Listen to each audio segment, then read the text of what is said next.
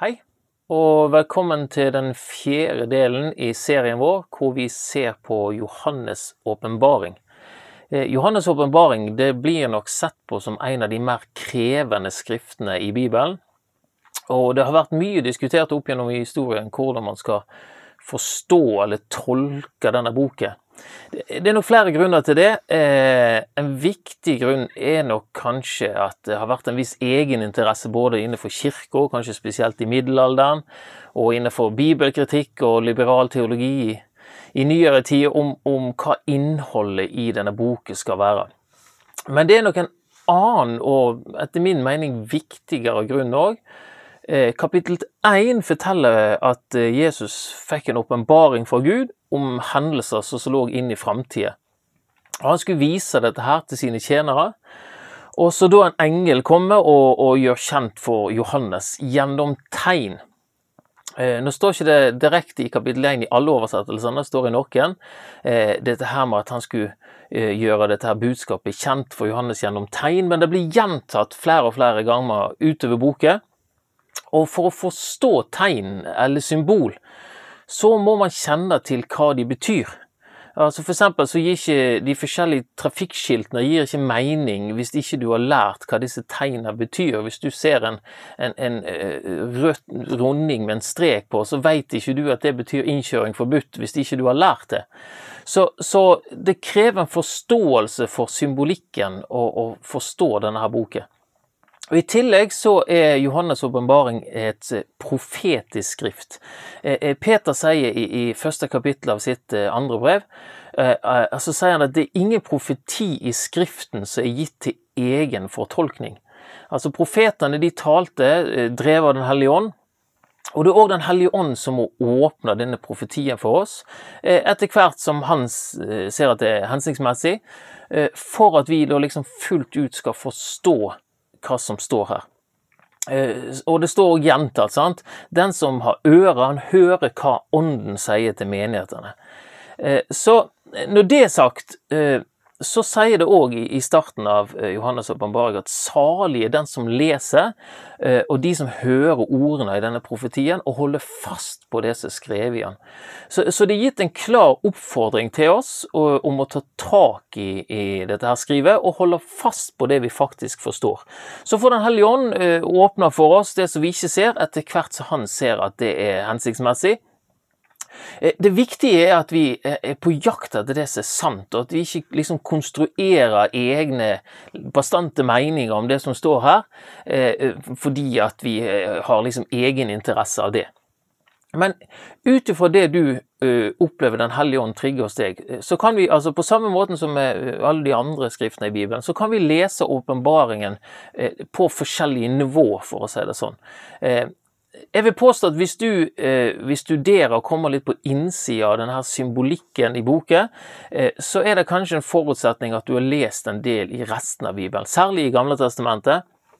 Eh, selv om det er få direkte sitat, så regner man at det, i, altså i åpenbaringen så er det 404 vers. Og man regner med at eh, det er i hvert fall over 270 hentydninger til Gamle testamentet. Særlig til Daniel, eh, til Sekiel, til Zekaria, så, så, er de tett forbundet med åpenbaringen. Eh, I tillegg så har du flere plasser i Nytestamentet, f.eks. Matteus 24, Markus 13, Lukas 21, altså hvor Jesus tar opp dette endetidet. Paulus tar det opp. Så hvis du tar deg tid til å studere, så vil du finne mye av symbolikken. Den vil etter hvert gi mer mening, for du vil finne det igjen og få det forklart gjennom å studere resten av Bibelen. I tillegg så kan det være greit med litt historiekunnskap i bunn. Eh, vi er i Romerriket, eh, i den delen som Tyrkia ligger i i dag. Og de sju menighetene som, som boka adresserte, de lå i sju byer som ble eh, knytta sammen av den såkalt romerske postveien gjennom området. Her var det mye trafikk, og, og de kunne liksom ikke gjemme seg vekk. Eh, og på den tida her, ifra keiser Augustus over keiseren og Jesus ble født, og framover, så vokste det fram en såkalt keiserdyrkelse i Romerriket. Altså at keiserne ble dyrka som guder. I, første omgang så var det hovedsakelig etter at de var døde, men e, etter hvert så begynte de også å, altså de begynte også å kreve å bli dyrka som gud i levende live. Og eh, Vi ser altså eh, Keiser Augustus han klarte å få til fred i Romerriket, eh, det som vi kjenner som Pax Romana. Og så ble han omtalt med sånn begrep som fredsfyrsten og hele menneskehetens frelser. Altså benevnelser som vi kjenner er, er brukt eh, om Jesus. Og Fra Nero, eh, midt på, på, på eh, første århundre og framover til eh, keiser Domitian, så slår denne keiserdyrkelsen gjennom liksom for alvor. Og så får han en sånn offentlig status som statsreligion. Tanken er, er nok å binde eh, Romerriket sammen gjennom en sånn felles keiserdyrkelse. Og så blir Johannes' åpenbaring skrevet sannsynligvis eh, under keiser Domitian, eh, og han ble omtalt som allhersker eller allmektig og herre og gud. Så, vi har altså ei tid der eh, det som vi kjenner som antikristens ånd, altså en, en ånd av erstatning for, for Kristus, den, den, liksom gjør seg gjeldende og vokser fram. Og de kristne da, som avviser denne keiserdyrkelsen, for de så fører det selvfølgelig til store problemer eh, og forfølgelse. Så, og midt i dette her så får altså Johannes åpenbaringen å proklamere at det fins bare én Herre, én allhersker, én allmektig Herre og Gud, og det er Han som sitter på tronen i himmelen. Så, så dette er kraftige saker. Eh, her ser vi eh, litt sånn bakteppet for dette her skrivet når det kom inn. Og det er altså en masse informasjon og detaljer som vi kan grave oss inn i hvis vi har behov for det. Men det er veldig mye av dette her som er frampeik på det som kommer til å skje, og, og, som vi da har liten påvirkning på. Så for noen av oss er det spennende å prøve å finne ut når skjer bortrykkelsen, eller hva er tusenårsriket, eh, osv. Men, men vi kan liksom ikke vi har ikke noen påvirkning på dette her. Eh, det som kommer til å skje, det kommer til å skje. Det som er viktig for oss, det er å ha et bevisst forhold til hvordan vi vil møte de utfordringene som endetider fører med seg. Eh, for det blir, altså som Jesus sier i evangeliene, så blir dette her vanskelige tider. Og her kan vi få mye mat i åpenbaringen. Eh, altså for å bli stående som kristne i en utfordrende tid, altså, og i utfordrende situasjoner.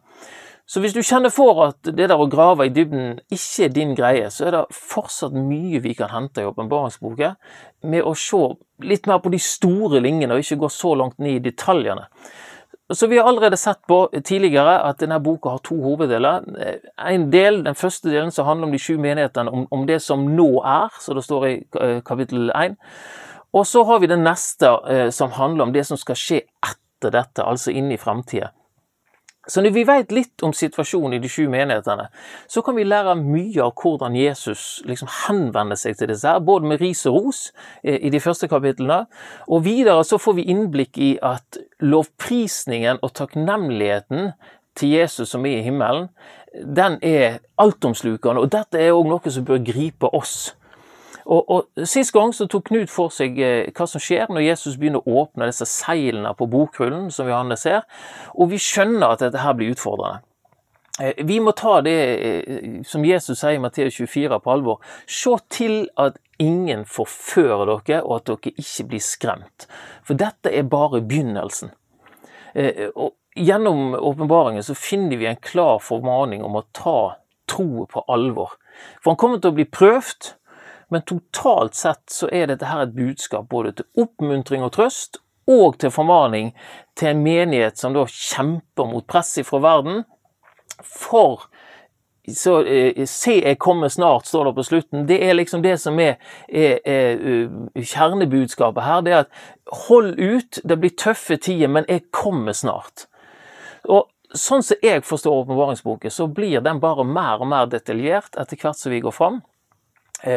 Vi starter altså med eh, syv seil, og sånn som så det virker for meg, så eh, inneholder det syvende seilet de syv basunene, og den syvende basunen den utfolder seg da i disse her syv vredeskålene. Altså, det er en sånn kronologisk utvikling, og det blir mer og mer intenst. Og, og Jesus forteller også i evangeliet om en gradvis utvikling. Snakker om at dette er bare fødselsveiene osv. Eh, og da er det viktig å huske på hva han sa. Når alt dette her begynner å skje, sier Jesus, så løft deres hode i Lukas evangeliet. Så løft deres hode, for deres forløsning nærmer seg. Sist så åpner Knut eh, det syvende seilet, for å si det på den måten. Eh, og så ser vi de voldsomme naturkatastrofene, demoniske aktiviteten og katastrofale krig osv. som blir varsla av disse første seks eh, basunene, som er innunder dette syvende seilet. Og etter den sjette basunen så får vi et eh, mellomavsnitt før den sjuende engelen blåser. Og det er der vi tar opp tråden nå. Altså Nå er vi kommet til slutten på kapittel 11. I slutten av kapittel 11 så eh, blåser engelen i den syvende og siste basunen. Og, og, så kommer det egentlig i slutten av kapittel 11 en slags oppsummering av det som kommer i kapitlene etterpå. Det som er høydepunktet i hele Johannes' åpenbaring, det er at Gud trer fram som en allmektig konge og tar makten eh, for å gjennomføre kongedømmet sitt i verden. Og Hvis vi eh, ser på vers 18 så er det en slags sånn uh, oppsummering av det som skjer videre. For da sier han at folkeslagene raste. Altså det, det, er et opprør i folket, det er mye som skjer, og din vrede er kommet. Og tiden da de døde skal bli dømt, og du skal lønne dine tjenere, profetene og de hellige og de som frykter ditt navn, liten og stor, og da du skal ødelegge de som ødelegger jordet. Eh, det er en del som har problemer med åpenbaringsboken på samme måten som de har problemer med GT. Altså, de er ikke vant til å forholde seg Eller de er vant til å forholde seg til Jesus som eh, frelser, men man glemmer kanskje dommen som kommer. Jesus sier jo sjøl at han ble ikke sendt til verden for å dømme verden, men for at verden skulle bli frelst.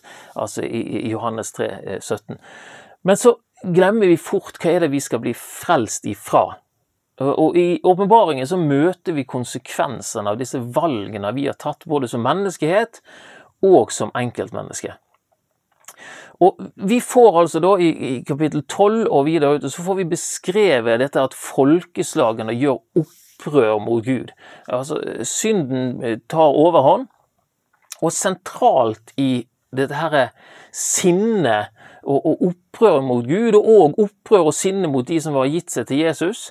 Sentralt i dette her så ser vi at Satan står fram for å dra folk med seg. Og han kanaliserer denne forførelsen av, av folk gjennom Antikrist. Eh, og når vi i kapittel 13, når vi ser det står om dette dyret som stiger opp av havet, så blir det ofte tolka som om at Antikrist skal stå fram liksom ifra folkehavet, ifra folkemassen. Altså et, vanlig menneske som står fram, men som en erstatning for Kristus. Altså at folk sitter sitt lit til han istedenfor til Kristus. Og, og, Det ser ut som dette her er en land som er veldig dyktig med ord. Eh, og folk som ikke er tett på Jesus, vil sette sitt lit til denne her antikristpersonen. Eh, samtidig så ser vi at Bibelen snakker om at antikristens ånd er i verden, sånn som vi var inne på litt tidligere, i 1. Johannes eh, brev, kapittel 4. Eh, så nøyaktig hvordan dette her vil se ut, det er ikke så lett å si. Men uansett, når verden liksom sitter sin lit til, eller, eller stoler på et antikristelig budskap, da blir vi et problem vi som kristne er ikke da bare politisk ukorrekte, vi er en trussel for hele systemet. Og, og, og, vi ser at Antikrist på en eller annen måte går til krig mot de kristne, altså mot de hellige.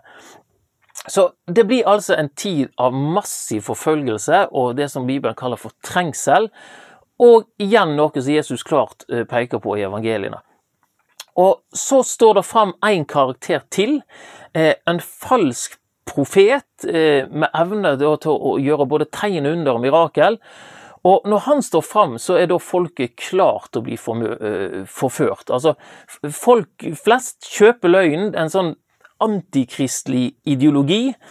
Og når denne her falske profeten står fram, så er folket bare klart å koble på. Og det er i den sammenhengen at vi ser at denne falske profeten, vi, vi er i kapittel 14, at denne falske profeten får innført et eller annet slags system som gjør at ingen kan da handle eller kjøpe eller selge uten det, det som blir kalt for dyrets merke. Og, og I kapittel 14 så uh, forkynner det da at uh, hvis noen hengir seg til Antikrist og tar dette her dyrets merke, så vil de gå fortapt.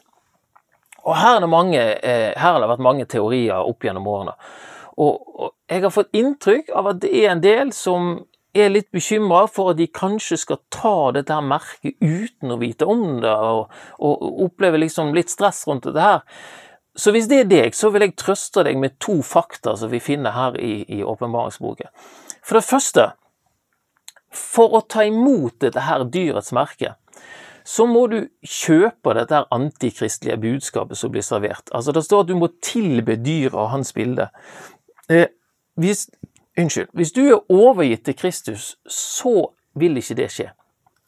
Du kan ende opp eh, som martyr, som kanskje ikke er en stor trøst eh, for eh, alle. Men i denne sammenhengen her, når det er så voldsomme tider, så, så er, kan det skje.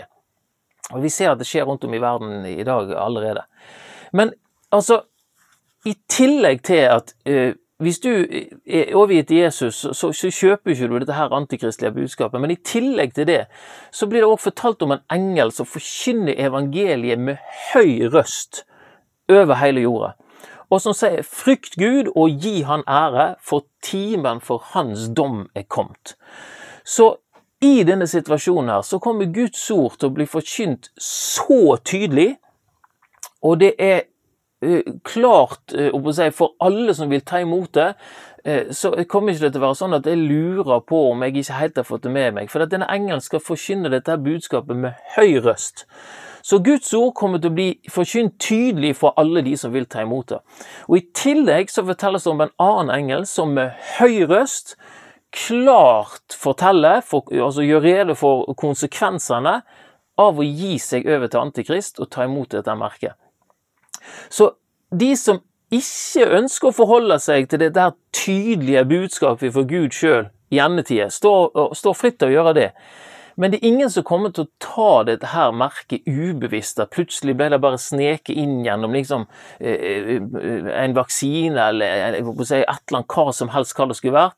Det kommer til å være tydelig forkynt at timen er kommet for Guds dom, og dere må ikke ta imot dette her merket. Så eh, det er ikke noe sånn vi trenger å strekke, stresse over. Vi må bare passe på, holde oss nær til Jesus, så ordner alt det der andre seg. Eh, de neste kapitlene, kapittel 15 eh, utover, så handler det der i stor grad om at eh, Guds vrede, altså som en reaksjon da på, på all synd og ugudelighet som, som, har samlet seg opp, at det blir tømt utover jordet. Eh, målet er at folket som omvender seg, Eh, det ser vi ikke skjer. Men, men, dette er liksom de syv siste plagene da, som, som skjer før Jesus kommer igjen. Og eh, Sånn som det ser ut, så, så framstår det som en kombinasjon av naturkatastrofer, miljøkriser, sykdom og pest, og fysiske og psykiske lidelser, krig og demonisk aktivitet på høygir, ideologisk galskap, full tillit til antikrist og massiv forfølgelse av de kristne. Så, så dette her ble vanvittig tid. Og, og Jesus sier sjøl i Matteus 24, i, i, i, vers 22, så sier han at hvis ikke de dagene ble forkorta, så vil ikke noe menneske bli frelst. Men for de utvalgte skyld, så skal de dagene bli forkorta. Så eh, her blir det eh, full kok, men disse dagene her, de tar slutt når Jesus sjøl trår inn på arenaen. Så i den siste delen av boka her, eh, den tar for seg da oppstandelsen fra de døde og, og Guds endelige dom eh, over synd og menneskeheten og alt, og uh, tar for seg tusenårsriket og, og liksom fullendelsen av Guds rike, og, og hvor Gud igjen tar bolig blant menneskene. Så hvis vi holder fast på disse store linjene, så vil jeg peke på tre sentrale budskap her i slutten. For det første så ser vi at åpenbaringsboken har et klart budskap om en kjempende, men òg en triumferende menighet. Eh, vi ser at det er tøffe tider, menigheten forfølges. Eh, man kjemper mot falsk lære, mot falske profetier, men man òg ser at bønnearbeid blir styrka, vi ser røkelsen i gullskålene osv. Eh, vi ser at menigheten blir rensa, blir utrusta og styrka ved disse to åndsfylte vitner. Og Vi ser at menigheten kalles tydelig til å være forberedt, til å være våken eh, når Jesus kommer tilbake. Så denne formaningen til å våke og være beredt, eh, det er noe som vi ser òg gå igjen gjennom hele eh, Nye testamentet, evangeliene. Og den som holder ut til enden, skal bli frelst. Og til slutt så ser vi da at det står fram en triumferende menighet. En menighet som har blitt eh, kjørt hardt, men har holdt fast på, på, Jesus. Og vi ser de 144 000, vi ser den store, hvite flokk, så stor at ingen kan telle den. Det er de som har holdt stand da, mot Antikrist og, og har kommet fram til bryllupsfesten i himmelen. Så vi ser et tydelig budskap om denne menigheten som bare rett dere opp, hold ut, for dere skal triumfere til slutt. Så i tillegg så ser vi altså et som hva skal du si, en, et trøstebudskap, eller hva skal vi si, støttebudskap i dette her, så ser vi at eh, vi har et budskap om en allmektig Gud som har kontroll. Amen. Vi ser at Gud sitter på trona, og alt som skjer, eh, det får bare skje inntil Gud sjøl sier stopp. Han er begynnelsen, han er enden, og, og, og Satan opererer bare liksom på lånt tid. Og det gir oss en veldig trøst når ting kan virke håpløst og man ser bare ikke eh, eh lyset. Eh, det som eh, må skje, det må skje, men bare hold ut. Og, og I første Tessalonikerne 4, så, eh, i vers 16, så sier det for når befalingen lyder, når erkeengelen roper og Guds basun høres, da skal Herren sjøl stige ned fra himmelen, og de døde i Kristus skal stå opp. Og deretter så skal vi eh, som er igjen og ennå lever, vi skal bli rykka bort sammen med de i skyen for å møte Herren i luften. Og vi skal være sammen med Herren for alltid. Trøst og sett mot i hverandre med disse ordene. Sånn at når det røyner på, så må vi bare holde fast på at Gud har kontroll, og han kommer til å føre seieren gjennom til slutt. Og det leder oss til det tredje budskapet. Budskapet om at Jesus kommer igjen som seierherre. Dette her er liksom eh, kulminasjonen, den store enden, eh, på hele den totale hva skal vi si, frelsesgjerningen, frelsesoppdraget som Jesus har holdt på med. Det liksom, og dette her, det, det er det som liksom er hovedtemaet i hele åpenbaringsboken. Jesus som kommer tilbake igjen i herlighet. Han har seier over alle antikristelige krefter. Han holder dom over alle gudfiendtlighet, eh, alle liksom synd og de som har stått Gud imot. Eh, gudfiendtlige makter, om du vil. Og han kommer til å holde dom over alle mennesker enten til evig liv eller til fortapelse. Men vi ser at frelsesverket blir fullendt med at himmel og jord blir fornya, og Gud tar bolig blant oss, og paradiset er igjen blitt en virkelighet på jorda. Så hva er da til slutt hensikten med denne boken? Jo, det er først og fremst å trøste og oppmuntre de kristne menighetene til å holde ut. Eh, I tøffe tider så har Gud kontroll. Jesus vil seire til slutt. Og dommen kommer. Men når alt dette her begynner å skje, så Jesus sier, så se opp, løft hodet, for forløsningen nærmer seg. Men samtidig, i tillegg til trøst og oppmuntring til å stå i tøffe tider, så er det òg en eh, hensikt i boka om å advare og, og, gi en nødvendig formaning. Fordi at flere av menighetene her er inne i en åndelig for, sånn forfallsprosess.